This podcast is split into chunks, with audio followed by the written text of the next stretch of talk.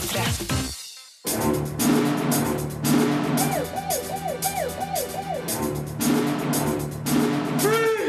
Filmpolitiet! What's your name, dude? Uh, Birger Vestmo. What kind of stupid name is that? Amnesia er en tett liten thriller med gode skuespillerprestasjoner. Pia Tjelta og Christian Rubek forteller om en dyster innspilling. 47 Ronin er en helt ordinær film. Mye skyldes Keanu Reeves sitt uengasjerende spill. Mens Kule kids gråter ikke er en herlig, rørende film om et vanskelig tema. Regissør Katarina Launing kommer for å fortelle hvordan hun takla historien om jenta som får kreft. I tillegg ser vi på søndagens Golden Globe-utdeling, og vi diskuterer de nye TV-seriene Sleepy Hollow, True Detective, Broadchurch og tredje sesongen av Girls. Filmpolitiet anmelder film.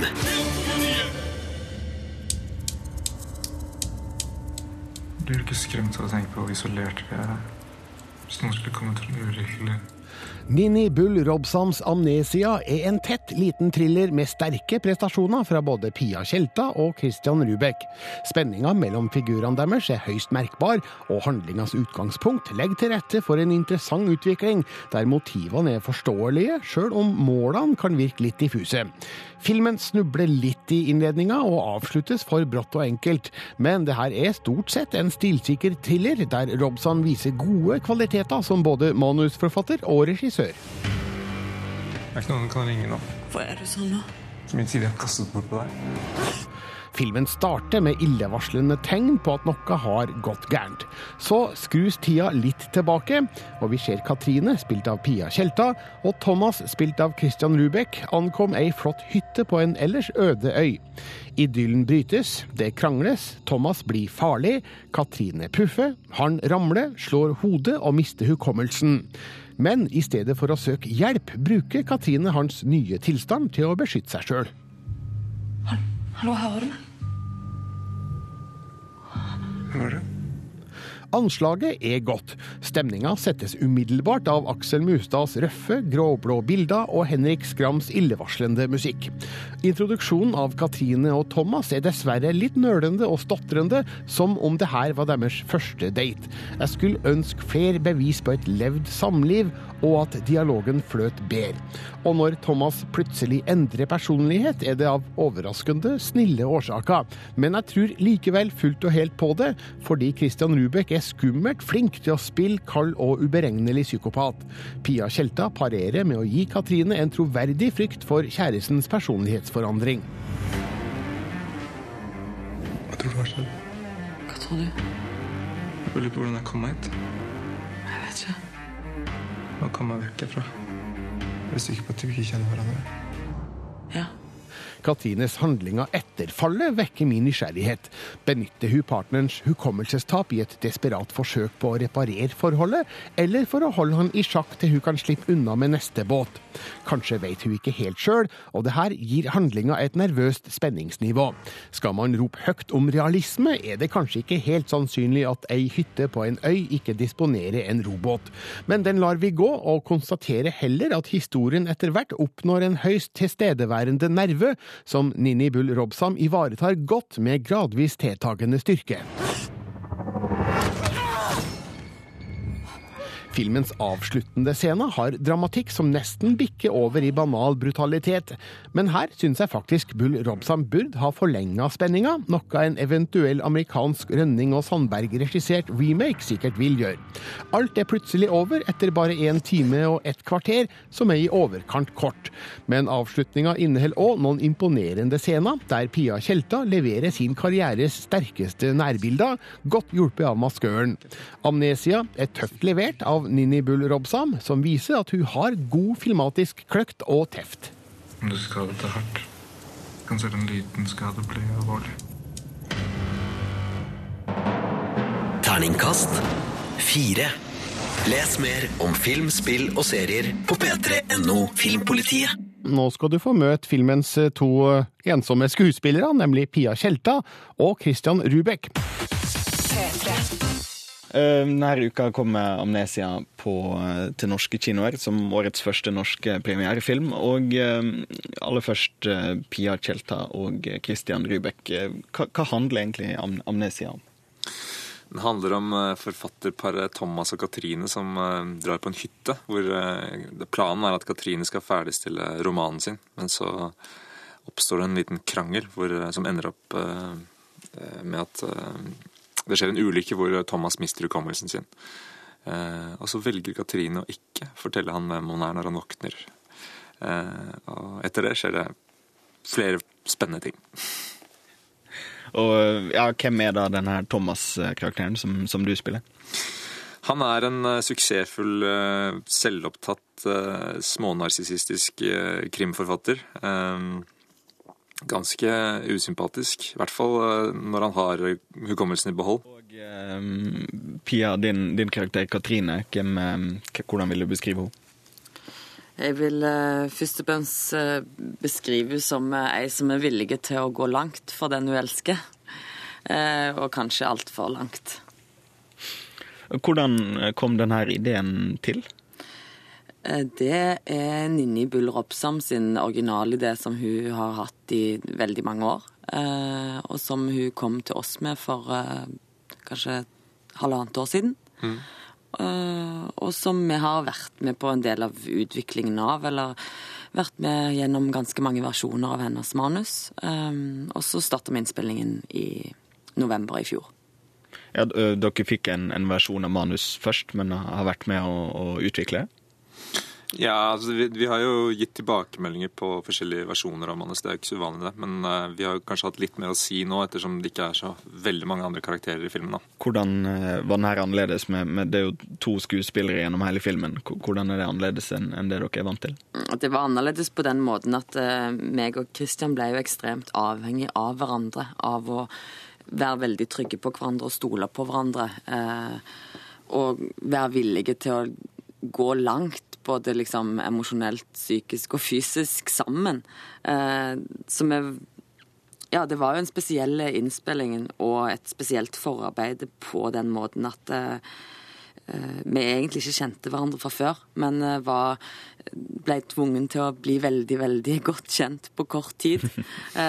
Så vi gjorde et veldig grundig forarbeid før vi begynte innspillingen, og jobba bl.a. med en skuespillercoach fra Frankrike som heter Pascal Lunot, eh, som er veldig, veldig dyktig, og som eh, som på en måte blir sett på som en slags fødselshjelper for karakteren.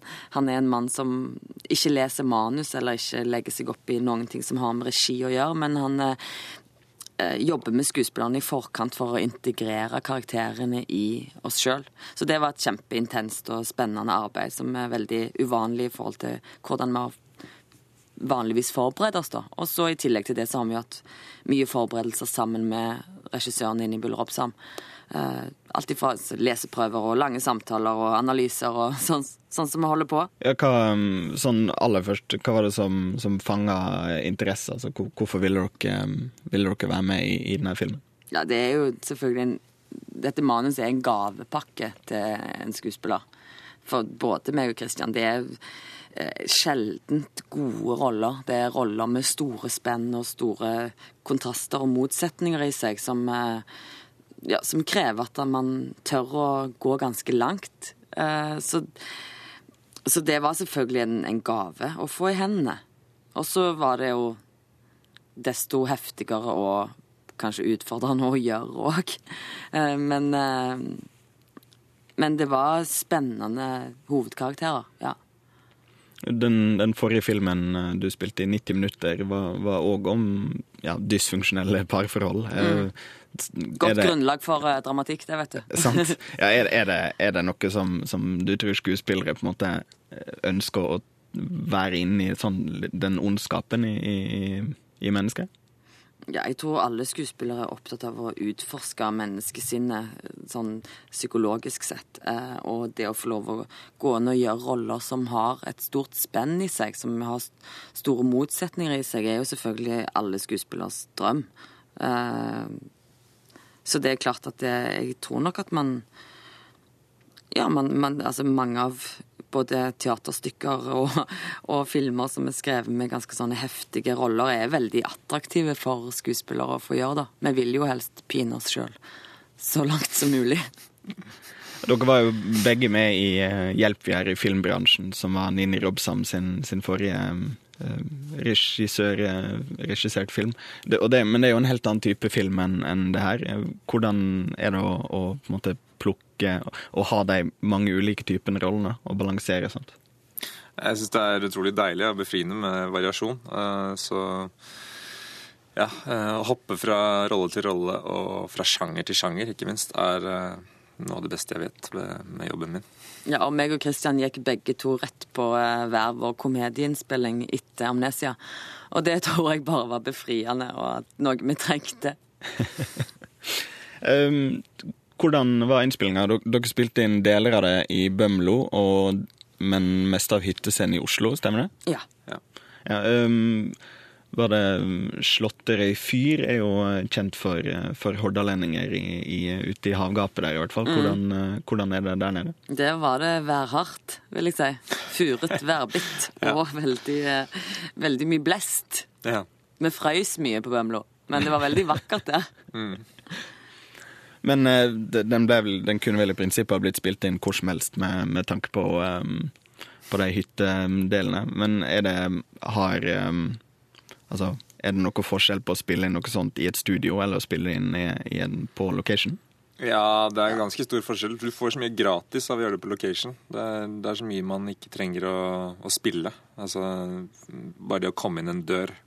Man trenger ikke tenke på temperaturforskjellen og at du har pustet frisk luft. og Alle sånne ting gjør noe med tempo og måten man puster på sånn. Så det er mye man får gratis man ikke tenker på når man, når man gjør ting på location. Selvfølgelig så er det en utfordring for for eh, selve filmskapingen, fordi det er jo ikke alt man kan kontrollere, sånn vær og støy og sånn, men eh, jeg foretrekker egentlig allikevel å være på location. Ja, Det blir jo mer autentisk enn å være i et studio. Um, I dag så ble det òg kjent at uh, filmrettighetene til uh, Amnesia, Amnesia uh, er um, solgt til um, som et prosjekt til uh, um, Espen Sandberg og, og Joakim Renning um, som mulige regissører. Hva, hva tenker dere om, om en sånn amerikansk remake?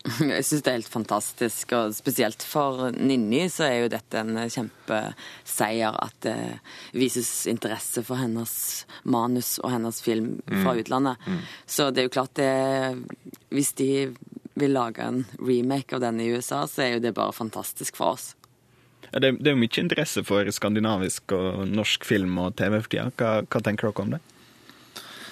Det er fantastisk. Det er jo det er ikke noe bedre enn det. Det er jo det Jeg tenker at de har bare litt sånn lack of ideas i, over dammen der. De har så mye annet å gjøre at de har ikke tid til å komme på egne ideer. Ja, okay. Jeg skjønner veldig godt at de hopper på, på Amnesia, fordi, fordi det er såpass, eh, en såpass kommersiell idé, og eh, en eh, Ja, det er en utrolig god idé. Altså Plottet og karakterene, og det er originalt. og jeg skjønner, jeg skjønner veldig godt at de hopper på det. Jeg tror ikke det bare er fordi de får dårlige manus tilsendt til seg. Nei, Jeg tuller skjønner, ja, jeg, skjønner, jeg skjønner veldig godt at de, at de hopper på det. Det er litt kult også at det er gamle kollegaer av meg som, eh, som eventuelt skal regissere. Ja, for du har jo jobba med, med Sandberg og Rønning tidligere. Ja, ja på, på Max Manus. Hvem er det dere ser for dere som hovedroller i den amerikanske remaken? da? Det- dere- Ah. Kanskje dere egentlig må svare dere sjøl? Det er vel logisk, for så vidt. Ja, jeg er god i engelsk aksent. jeg. Jeg hopper på. Jeg, jeg tenker på Michael Fassbender. jeg. Han kan, han kan spille meg. Ja, Eva Mendes kan få lov å spille meg. Ja, det er en god kast. Det er en god kast. Det er Kan- bra kast, det. Kan få lov. Ja, det, det er fett. Eh, Som dere sa, så er jo eh, det er to komedier som er, er det neste prosjektet på, på begge to. Eh, Tjelta, skal vi se, det er vel um, Rybek i Død snø 2 først, hvis jeg ikke tar helt feil. Um, ja, som vi sa, litt ulik type film. Hvordan, eh, hvordan er det, um, tenker du, med, med Sundance-mottakelsen og, og Eller den mulige Sundance-mottakelsen som kommer? Den har jo kommet til Sundance, så de får forhåpentligvis en mottakelse. Nei, jeg, jeg, tror det, jeg tror det kommer til å gå kjempebra med Død 2. Det er, um, uh, altså, nummer én ble jo en eh, internasjonal kulthit, ikke sant? Og toeren er jo enda bedre og enda mer gjennomført. Og uh, er, er også på sin måte veldig original. Så jeg, jeg tror det kommer til å, til å bli en om mulig enda større suksess enn en Død snø 1. Det tror jeg faktisk. Og eh, skatten i Kaptein Sabeltann og skatten i Lamarama er vel en eh, kjent og kjær norsk figur, eh, Pia. Hvordan, mm. hva tror du om, om filmens eh, eh, premiere, kommende premiere? Du, den eh, kommer til å smelle akkurat der den skal smelle, tror jeg. Den eh, er Tror jeg blir en fantastisk eventyrlig familiefilm. Jeg tror den, i alle fall det jeg har sett av bilder fra den filmen, så ser det utrolig flott ut. Er det her en, en eh, Hvem er denne filmen her for, da? Hvis en kan si det sånn.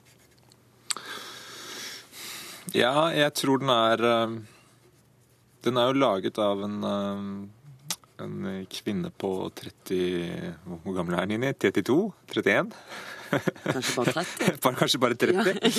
Eh, um, men nei, nei, den er vel for eh, For folk mellom eh, 20 og 60. Altså, den er eh, den er underholdende. Det er, det er jo dyster tematikk, kanskje, men det er, det er et driv i filmen og en nerve i filmen som gjør at eh, det, er ikke, det er ikke noe tungt å gå inn i. Det er ikke eh, Det blir aldri kjedelig. Så, så jeg føler at den er for eh, ganske Egentlig bør ha et bredt Bør få et bredt publikum. Ja, jeg tror alle som har vært i en parrelasjon noen gang, eh, kan eh, finne punkter i den filmen som er på en eller annen måte er gjenkjennbare. Hvordan eh, kan en, en holde på, på driven med, med to skuespillere eh, gjennom hele filmen? da? Altså, Det må ikke du få oss til å svare på, vet du. Det er det vi er livredde for. Det er det ansvaret vi er veldig redde for, så det må du ikke spørre oss eller, om. eller eventuelt få den ene karakteren til å, til å kanskje ville ta knekken på den andre, og, og omvendt. Så har du, har du et spenningsforhold som kan vare i hvert fall en, en time.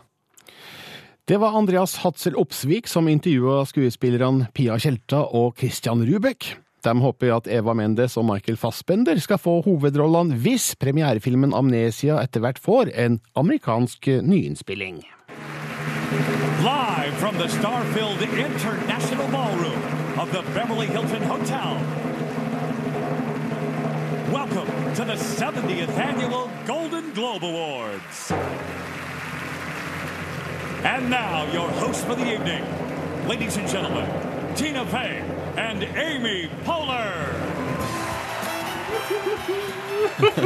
Ja, sånn hørtes det ut da Golden Globes starta i fjor, og det kommer til å høres veldig likt ut i år òg, Rune Håkonsen. Ja, for det er jo de samme vertene som skal lede denne ganske viktige prisutdelingen i Hollywood, da arrangert av de utenlandske underholdningsjournalistene som jobber i Los Angeles. Hvorfor er Golden Globes eh, viktig, Andreas eh, Opsvik? nei, det er jo et alternativ til Oscaren på den ene sida, og ellers er det jo en, en, eh, En oppvarming, vil jeg si. ja, en oppvarming egentlig til Oscaren. Ja. For det, det er jo stort sett to prisutdelinger som har veldig mye likt, må en jo kunne si. Ja. Den regnes som en veldig klar pekepinn på hva vi kan forvente oss av Oscar-nominasjonene og prisene. Mm, for Oscar-nominasjonene er ikke kommet ennå. De kommer først etter Golden Globe-prisene er delt ut. og Det skjer altså natt til mandag. Dessverre så er vi så dårlig plassert i tidssonen i verden at eh, skal man få med seg dette direkte, så er det bare å være våken hele natta. altså. Men vi i Filmpolitiet skal følge det her på nett, det vil si dere to. Ja, så at eh, Mandag morgen skal vi i hvert fall gi de viktigste oppdateringene på hvem som vant, og de store skandalene. Men, men vi er jo egentlig aller mest interessert i, i, i hvem som vinner prisene. Ja, La oss ta en nærmere titt på de viktigste kategoriene eh, her. Og eh, Når det gjelder film, så har man da faktisk to kategorier på Golden Globe, eh, Andreas. Ja, De har delt opp i drama og en, en kategori for drama. Ja, Og en for musikal komedie. Jeg mener det her er en utrolig sånn gammeldags inndeling som henger igjen da fra de virkelig gamle dagene hvor det er det store, voldsomme Hollywood-maskineriet som kom i gang. Og jeg syns det er litt rart at ikke det endra på det, altså. Men kan de ikke Jeg synes det, det er jo logisk, for det er ikke så masse komedier og musical som nødvendigvis får den ja, gjenkjennelsen jeg burde ha fått, da, kanskje. Ja, ja, men jeg syns fortsatt det virker veldig rart at man skal dele opp der, for det er åpenbart filmer som burde konkurrert mot hverandre. her, Og mener jeg også i kategorien musikal og komedie. Der havner det veldig mye rart eh, inn. Altså The Wolf of Wall Street Ja. av Scorsese. Er, det er i hvert fall ikke en musikal, men er det en komedie? Komedie nok, tydeligvis. de, de, de, de, de tøyer jo ganske kraftig på, på, på, på, på, på, på sjangerbegrepene her. Men da, i, den, i den kategorien så har vi da i tillegg Nebraska av Alexander Payne, Inside Louis Davis av Cohen-brødrene, eh, Her, der vi bl.a. møtte Joaquin Phoenix i hovedrollen, og American Hustle av David O. Russell. Vi er jo i en situasjon her der eh, jeg har sett den ene av de, Inside Louin Davies, som ble vist på Cannes-festivalen i fjor, og det er min favoritt, før jeg har sett de fire andre. Ja, og vi har jo tatt en liten avstemning for å finne ut hva er egentlig da filmpolitiets favoritt. Og eh, dine undersåtte, Birger, har gått imot deg. Vi mener, vi andre altså, mener at The Wolf of Wall Street er den som kommer til å stikke av, av med hederen der. You bastards. Hva med beste drama? Der har vi da 12 Years a Slave, Captain Phillips, Gravity, Filomena og Rush. Jeg syns det er interessant at de plasserer Rush inn i dramakategorien her også, for så vidt. Eh, En interessant sjangerbøyning fra, fra bilsportfilmen som det egentlig er. Men her er det vel egentlig ingen, ingen spørsmål om hvem som kommer til å vinne. Nei, det blir jo uh, det som jeg gjerne liker å kalle 12 years av Oscar Bate. Eller 12 years a slave, det eventuelt. Det er jo den som er regna som en, en stor favoritt, i hvert fall. Da har vi i hvert fall våre spådommer på plass når det gjelder de beste filmene. Så får vi se natt til mandag hvilke filmer som går av med seieren. Svarene får man på våre nettsider. Selvfølgelig. Det skal oppdateres hyppig og stadig. P3. Filmpolitiet anmelder film.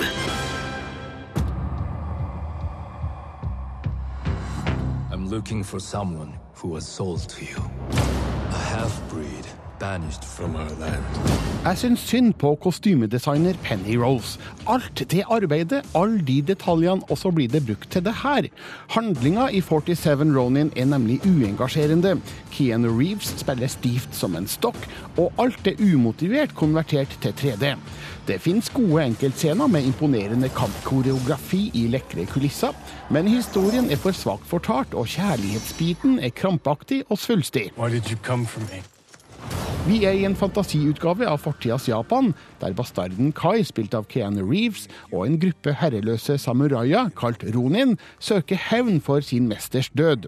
Den onde lord Kira, spilt av Tadanobu Asano, har lova å gifte seg med den døde mesterens datter, Mika, spilt av Kou Shibasaki, men hun er Kais elskede, og nå må han og samuraiene stoppe bryllupet og vinne tilbake sitt tapte område. Their army is infinite. We are 47. Jeg er slett ingen motstander av fantasifilmer med store klisjeer, svulstig dialog og søtladen kjærlighet, men 47 Ronin gjør ingen av delene spesielt godt. Filmen virker fra første stund som en helt ordinær prestasjon, med svak introduksjon av de involverte figurene. Alle er for kalde til å knytte bånd til. Det er ingen her som jeg kan engasjere meg i. Filmens kampscene er høydepunktene, i hvert fall når det er mann mot mann. Når det er mann mot digitale monstre, er det en annen sak.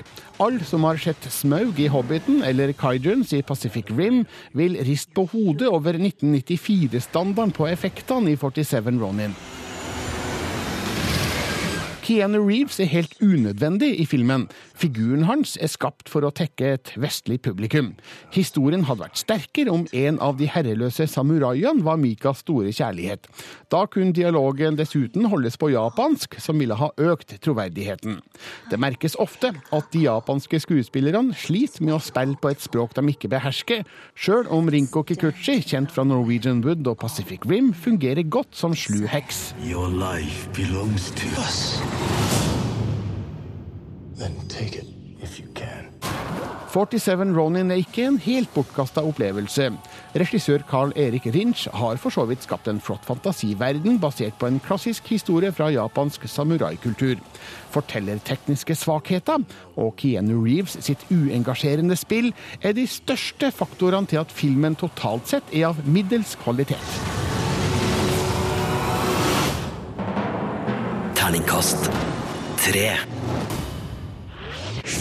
Filmpolitiet anmelder film.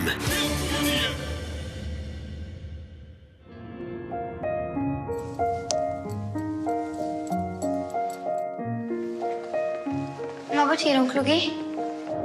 Hvorfor er de så rare? Kule kids gråter ikke handler om kreft, men la ikke det skremme deg, for det her er en god film. Regissør Katarina Launing forteller en vanskelig historie med sikker balanse mellom det triste, det rørende og det morsomme, annet ved hjelp av imponerende prestasjoner fra svært unge skuespillere. Denne filmen snakker direkte til barn og tar dem på alvor. Tårene renner samtidig som latteren sitter løst. To små hjerter. Han vil være sammen med deg. Jeg er sikker på det. Jeg trenger ingen kjæreste. Anja, spilt av Mia Helene Solberg Brekke, er aktiv i klassen med både leirskole og fotballcup i horisonten. Men etter en tur på legevakta oppdages det at hun har leukemi. Det fører Anja inn i en ny situasjon, der hun må kjempe hardt for å gjennomføre både leirskole og fotballplanene. Men hun får hjelp fra uventa hold i vanskelige situasjoner som venter. Hva med leirskolen, da? Og skoleturneringen? Ja, vi er dritdårlige uten henne. Det må være en stor utfordring å fortelle om barnekreft uten å havne i den dypeste tristesse. Men Launing greier det, bl.a.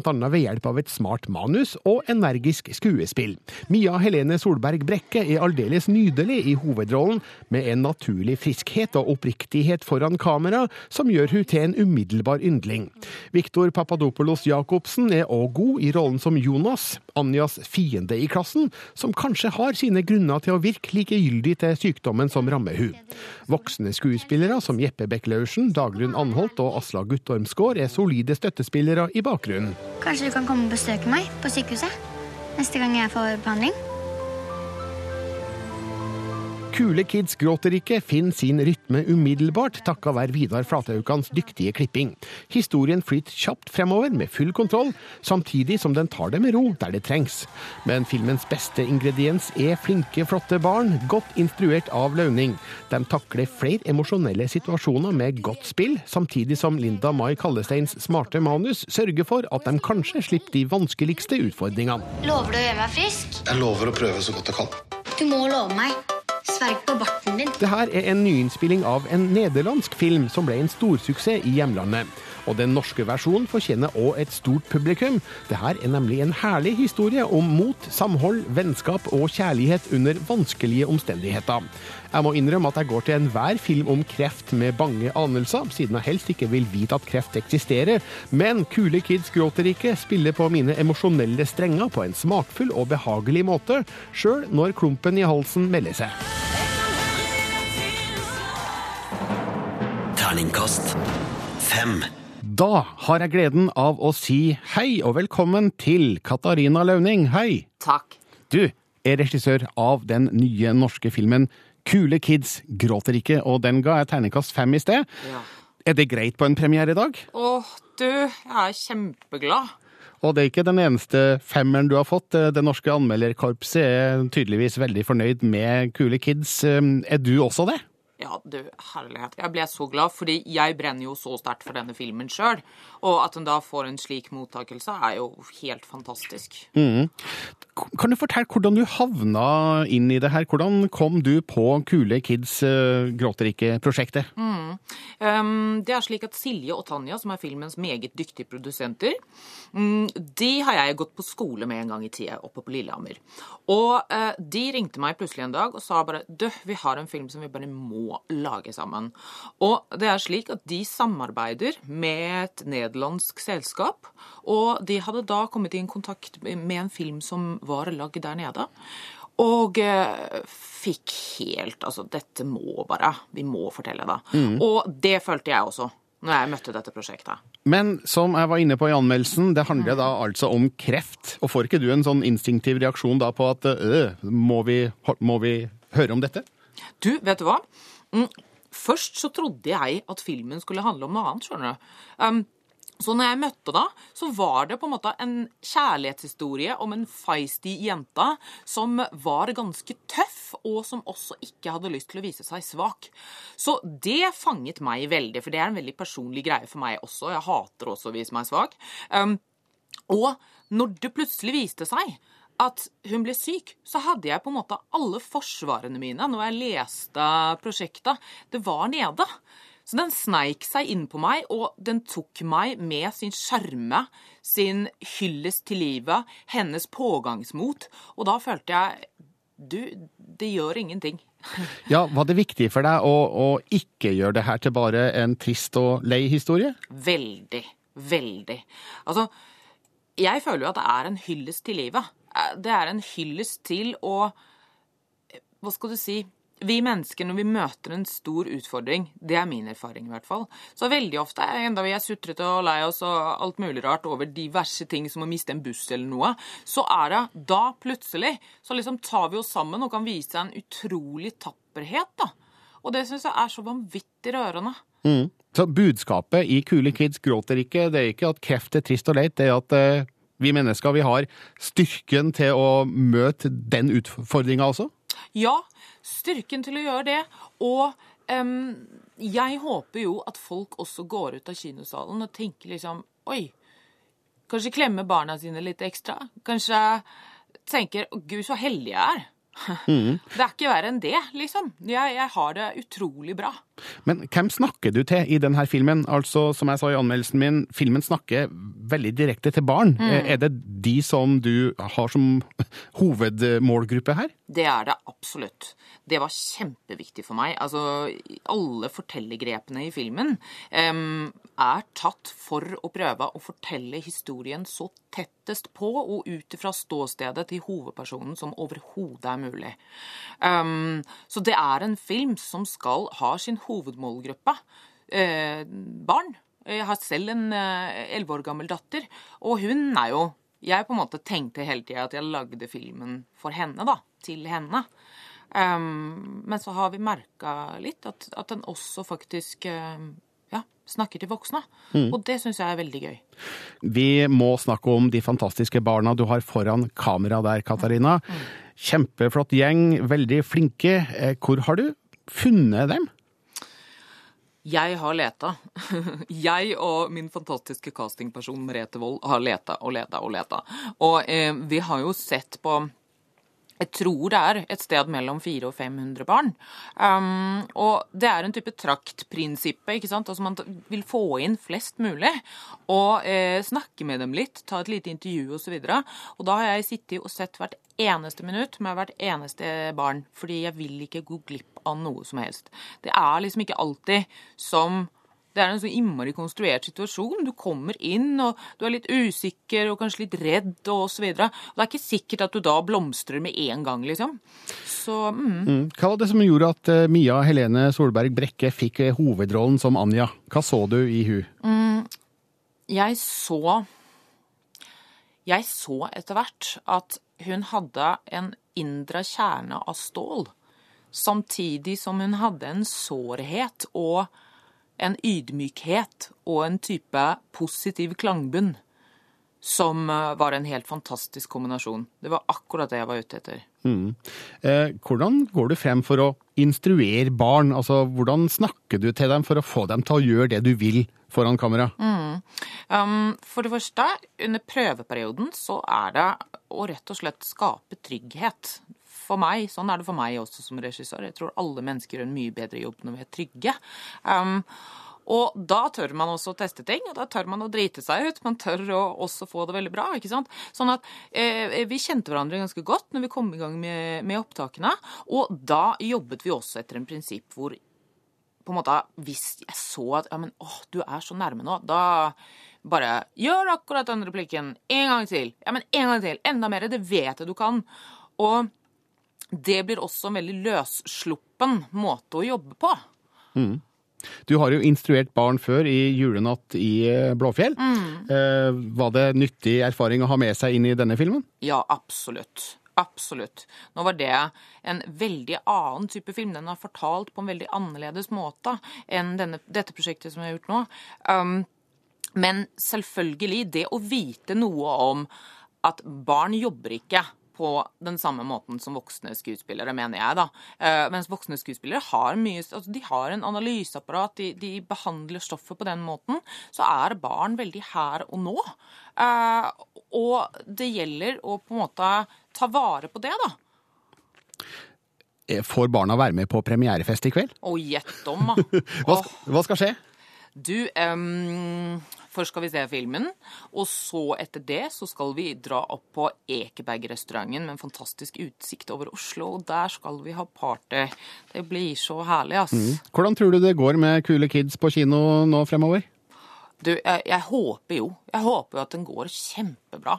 Eh, jeg elsker denne filmen selv, um, og jeg tror at den kan berøre veldig mange, så jeg håper at mange tar turen og ser den.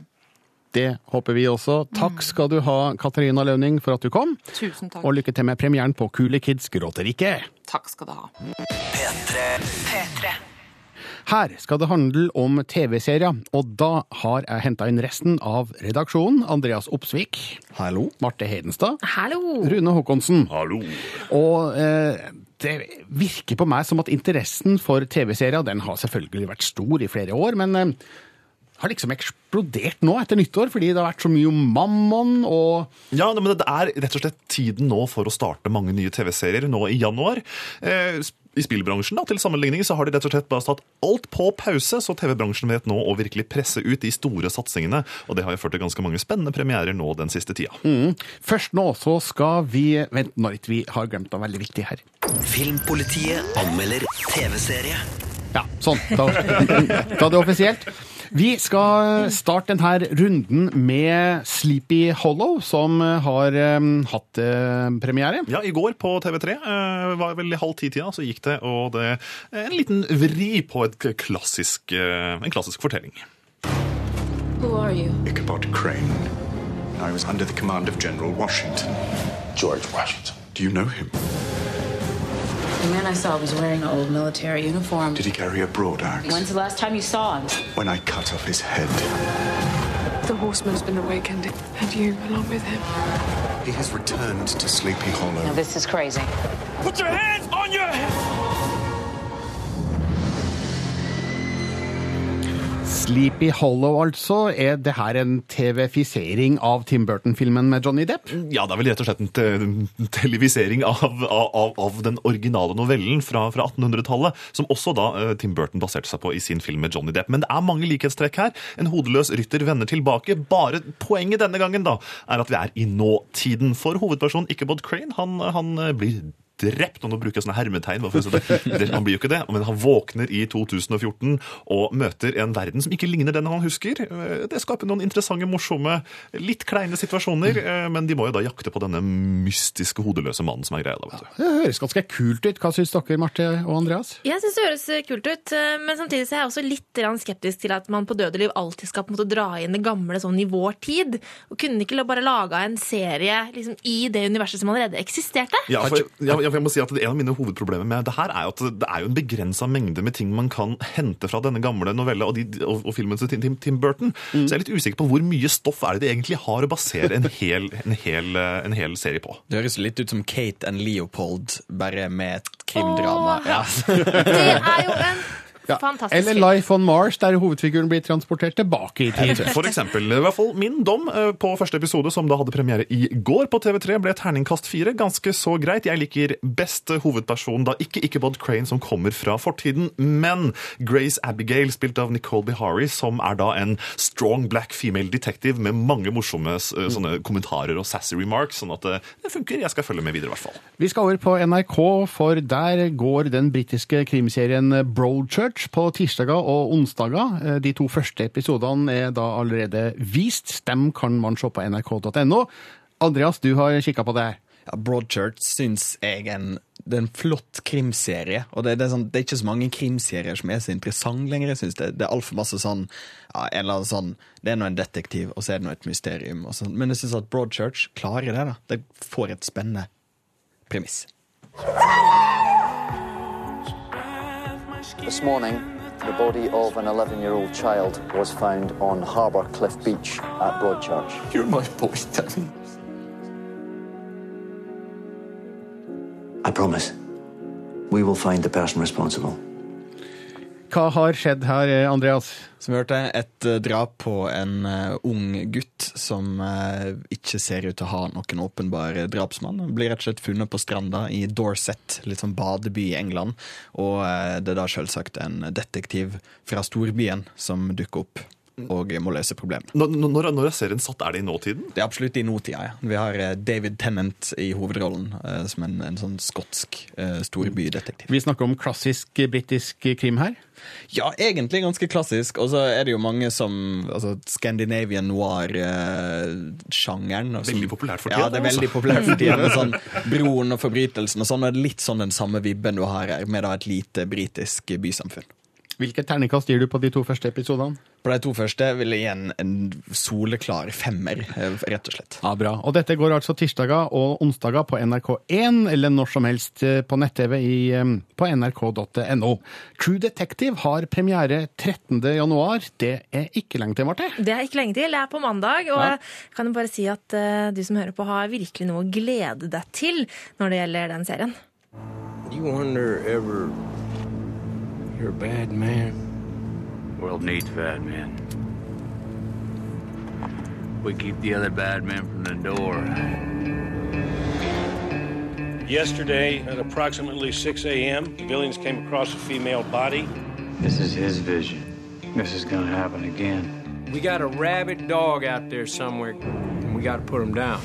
Lyd fra True Detective, som har premiere mandag på HBO Nordic og Seymour. Hvem eh, hørte vi her? Her eh, hørte vi Matthew McConaughey og Woody Harrelson i rollene som eh, to etterforskere i Louisiana, som finner da en kvinne som er myrdet og satt opp på et veldig sånn ritualt vis med sånn hjortegevir på hodet, og det er eh, litt sånn okkult eh, stemning eh, rundt det hele.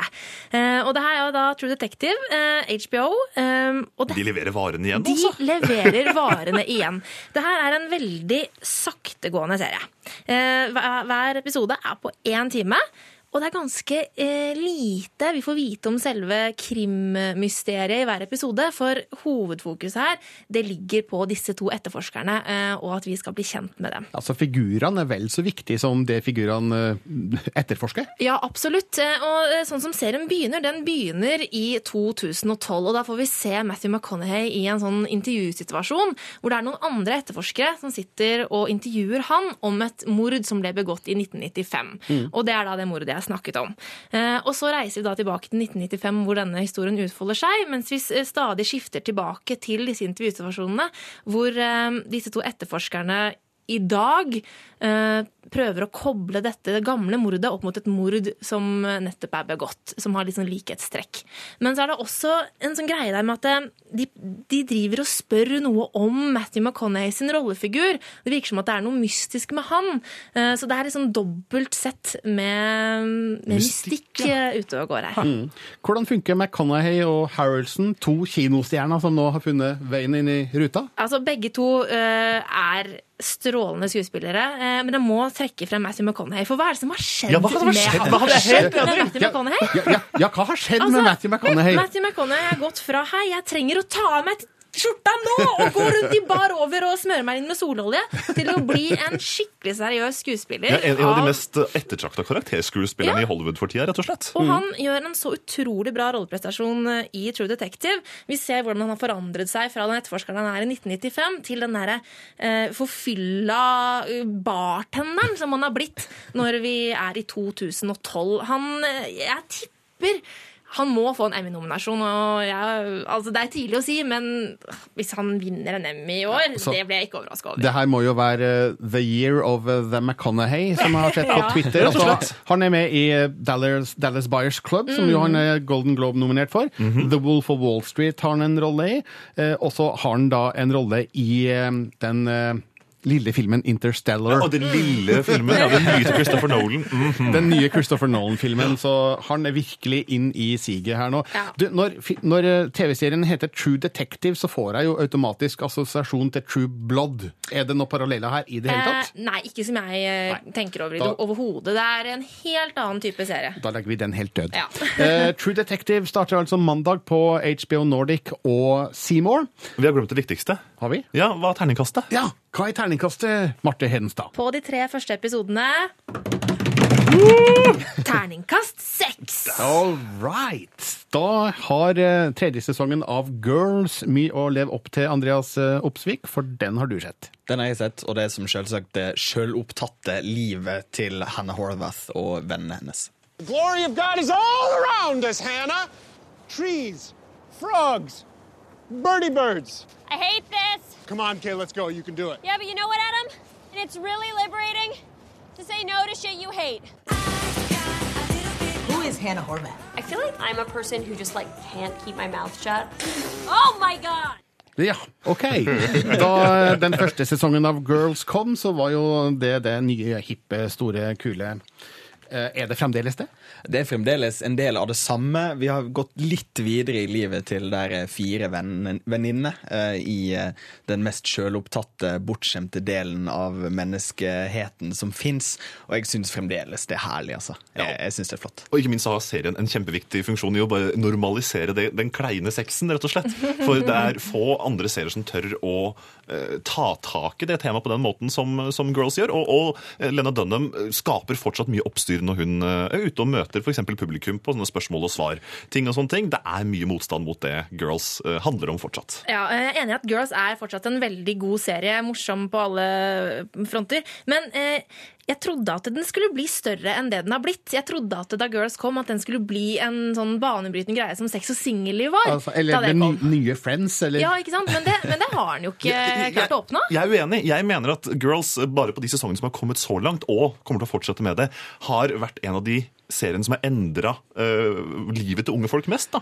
Uh, kanskje nesten siden Friends. Nei, Jo, tror ikke. jo, jo. Sex og singelliv endret livet til uh, unge jenter på den tida. Eh, men jeg syns ikke Girls har gjort det på samme måte. Jeg men det er en kvalitetsserie, altså. jeg hører ikke så mye buzz rundt eh, Girls. Den har forsvunnet litt. Da, da sitter vi med hodet i forskjellige, forskjellige arenaer, folkens. For at det, det, jeg, jeg, jeg har helt motsatt opplevelse og opplever at Girls har gjort ekstremt mye, spesielt for folk i starten av 20-åra. Altså. Men er sesong tre av Girls god nok til at eh, serien lever litt til, Andreas? Ja, jeg syns absolutt. Den har, eh, den har gjort det fantastisk. Men nettopp der å vise ungdom som Jeg pleier å si at ungdom som har sett for masse film, og som forventer at verden skal være akkurat sånn. At alle skal være fryktelig interessante, og at alt skal være fryktelig interessant. Og så er verden rett og slett ikke sånn. Det er kjempeflott. Og eh, i dag da så har ja, den allerede fornya for fjerde sesong, og det er helt, helt greit for meg. Der er flotte skuespillere og i en flott setting med flotte figurer. Terningkastet på Girls sesong tre, Andreas? Eh, terningkast på første til sjette episode er terningkast fem. Les mer om film, spill og serier på p3.no Filmpolitiet. Filmpolitiet hver fredag fra 11 til 1 på P3. Det har kommet veldig mange interessante nyheter rundt eh, kommende TV-serier den siste uka, og la oss starte med Game of Thrones. Sesong tre vises akkurat nå på NRK. Du kan se episodene som har gått på TV så langt på nrk.no. Men eh, sesong fire den venter vi alle på med lengsel og smerte. Spesielt du, Marte Hedenstad. Ja, jeg gleder meg veldig til 1. april, eh, hvor den fjerde sesongen begynner. Mm. Jeg er jo superfan av eh, A Song of Ice and Fire, eh, bokserien av George R.R. Martin, og også da TV-serien Game of Thrones. Og nyheten her er jo da, som du sa, eh, 1. april. Da mm. starter sesong eh, fire. Uten å spoile for mye her nå, eh, går det an å si litt, du som har lest alle bøkene, hva, Ja. hva kan vi forvente av sesong fire i grove trekk? I veldig grove trekk. Ja, altså Man kan jo forvente dramatikk. Oi, oi, ja. Eh, Mord! Blir det blod også? Det blir blod. Det blir flere bryllup. Oi, oi, oi, Og det, det kommer til å skje store ting som eh, vil være ganske så sjokkerende for de som ikke har lest bøkene også denne gangen. All right. Game of Thrones sesong fire 1. april. Boardwalk Empire nærmer seg slutten. Det er annonsert at eh, serien avsluttes etter sesong fem. Noen som gråter bittert over det? Ja, altså, Ja, kanskje på tide, da. Det er ja, det er det. Men det er egentlig- veldig sjelden at man kommer i en situasjon der en serie blir liksom avslutta på akkurat passe tidspunkt. Og jeg føler at det er det som skjer med Boardwalk Empire akkurat nå. At det er sånn, ja, Fem sesonger med det der, der ja, det, det er fint. jeg er altså- fornøyd, og jeg er glad. Eh, BBC har alltid vært kjempeflinke til det, å avslutte seriene før noen har sjanse til å gå lei av dem. Og det har amerikanerne kanskje etter hvert lært av, fordi der går jo i hvert fall historisk sett, TV-seriene i altfor mange sesonger. Ja. Ja. Gjerne tre sesonger for mye, syns jeg ofte. Så, så, så, så jeg tror dette kan være en positiv ting, og det kan jo gi også en, en ekstra drive inn mot den siste sesongen som gjør at de må løfte hele greia opp et par hakk ekstra, og det kan jo bli ganske så spennende. Ja, og med det i minne som vi nå diskuterte, så burde jo Sherlock ha avslutta nå. Med den Men det er bare tre episoder i hver sesong. Ja. Eh, eh, sesong tre vises eh, for tida på, på NRK, og sesong fire og fem er allerede planlagt, Andreas? Ja, Serieskaperne Steven Moffat og Mark Gattis har sagt at eh, de på et tidspunkt for ikke så lenge siden satte seg på taket av produksjonsbussen og rett og slett plotta ut sesong fire og fem. Altså satte de grove trekka for hva som kommer til å skje de to kommende sesongene. Og BBC har enda ikke bekrefta at det faktisk kommer en fjerde sesong, men eh, altså, den slo en, den slo krimrekorden på BBC da første episode gikk. Og andre og tredje episode nå er det fryktelig mange som har store forventninger til, meg inkludert. Eh, Så jeg tror nok at eh, ikke vær overraska om eh, nyheten dukker opp ganske kjapt. Altså, jeg har av mystiske årsaker ennå ikke sett en eneste episode av Sherlock. Hæ? Du har så mye, mye bra Ja, foran ikke sant? deg! Det er Er dere, er dere ikke misunnelige på meg? Jo, jeg er kjempemisunnelig! Altså, altså, Tenk å oppdage alt det på nytt! Alle, alle, alle sesongene har, har tre episoder hver som er halvannen time lange. Du klarer deg på ei helg, Birger? Ja, jeg gjør det. Altså, det står ikke på viljen, det kan jeg si. Um, Girls sesong fire, den jeg nevnte du i sted faktisk, er jo da annonsert, eh, og det er sikkert eh, vel og bra. Uh, Mammon, den Ja. norske serien, den må vi innom, for det har jo vakt store diskusjoner Ja. i, i Norge. Men seerne de følger med, og rundt en million henger på og ser i hvert fall, i hvert fall sett de to første episodene. Og nå er det også vist at det er blitt en skikkelig salgssuksess for NRK til utlandet. Rettighetene til å vise da sesong én av thrilleren er solgt til Storbritannia, Tyskland, Sveits, Østerrike, Belgia, Nederland og Luxembourg. Og ikke minst tror jeg også rettighetene til nyinnspilling i amerikansk drakt også er eh, klar. Så det blir jo en liten sånn internasjonal uh, snakkis, rett og slett. Men det må jo, altså det at de har kjøpt rettighetene, betyr jo ikke at det kommer en serie. Det er jo koselig med Peis, eksempel. Ble jo Ja, ja, solgt jo for noen år siden. Men Og, interessen nå interessen er, der, og det mye er større, gøy. og det er viktig. Hva skal vi si om diskusjonen rundt eh, Mammon, som har, eh, sk- skal vi si, rast? Veldig tabloid, da. Ja, den har rast på Twitter og på diverse nettfora. Jeg må si, jeg er dels enig i noen ting, men også veldig uenig i mye. Så at jeg syns den har fått ufortjent mye kritikk, og jeg syns det er en, en god spenningsserie som, som Men jeg må innrømme det, jeg syns den tok seg opp på andre episode også, veldig. Eh, Så at jeg er spent på hvordan det går videre med Mammon. Ja, men Det er veldig interessant da, at eh, denne diskusjonen kommer i gang. Hvordan kan norsk TV-drama komme videre og bli bedre? Mm, absolutt. Men ofte så syns jeg eh, at vi er litt ekstra kritiske når det kommer til eh, norsk TV. Mer enn vi ville vært hvis det var en amerikansk TV-serie. Men jeg syns at det er gøy at eh, et norsk TV-drama i det hele tatt kan vekke så mye eh, om ikke harme, så i hvert fall så mye Engasjement. Engasjement, ja. Det var ordet jeg var ute etter. Yes. Så der har jo Mammon allerede vunnet. Og om du ikke har sett eh, Mammon enda, så kan du selvfølgelig det på nrk.no. Da sier vi at det var nok TV-prat for i dag, folkens. Takk Andreas, Marte og Rune. Bare hyggelig. Bare hyggelig. Les mer om film, spill og serier på p3.no Filmpolitiet. Filmpolitiet hver fredag fra 11 til 1 på P3. Hør flere podkaster på nrk.no podkast.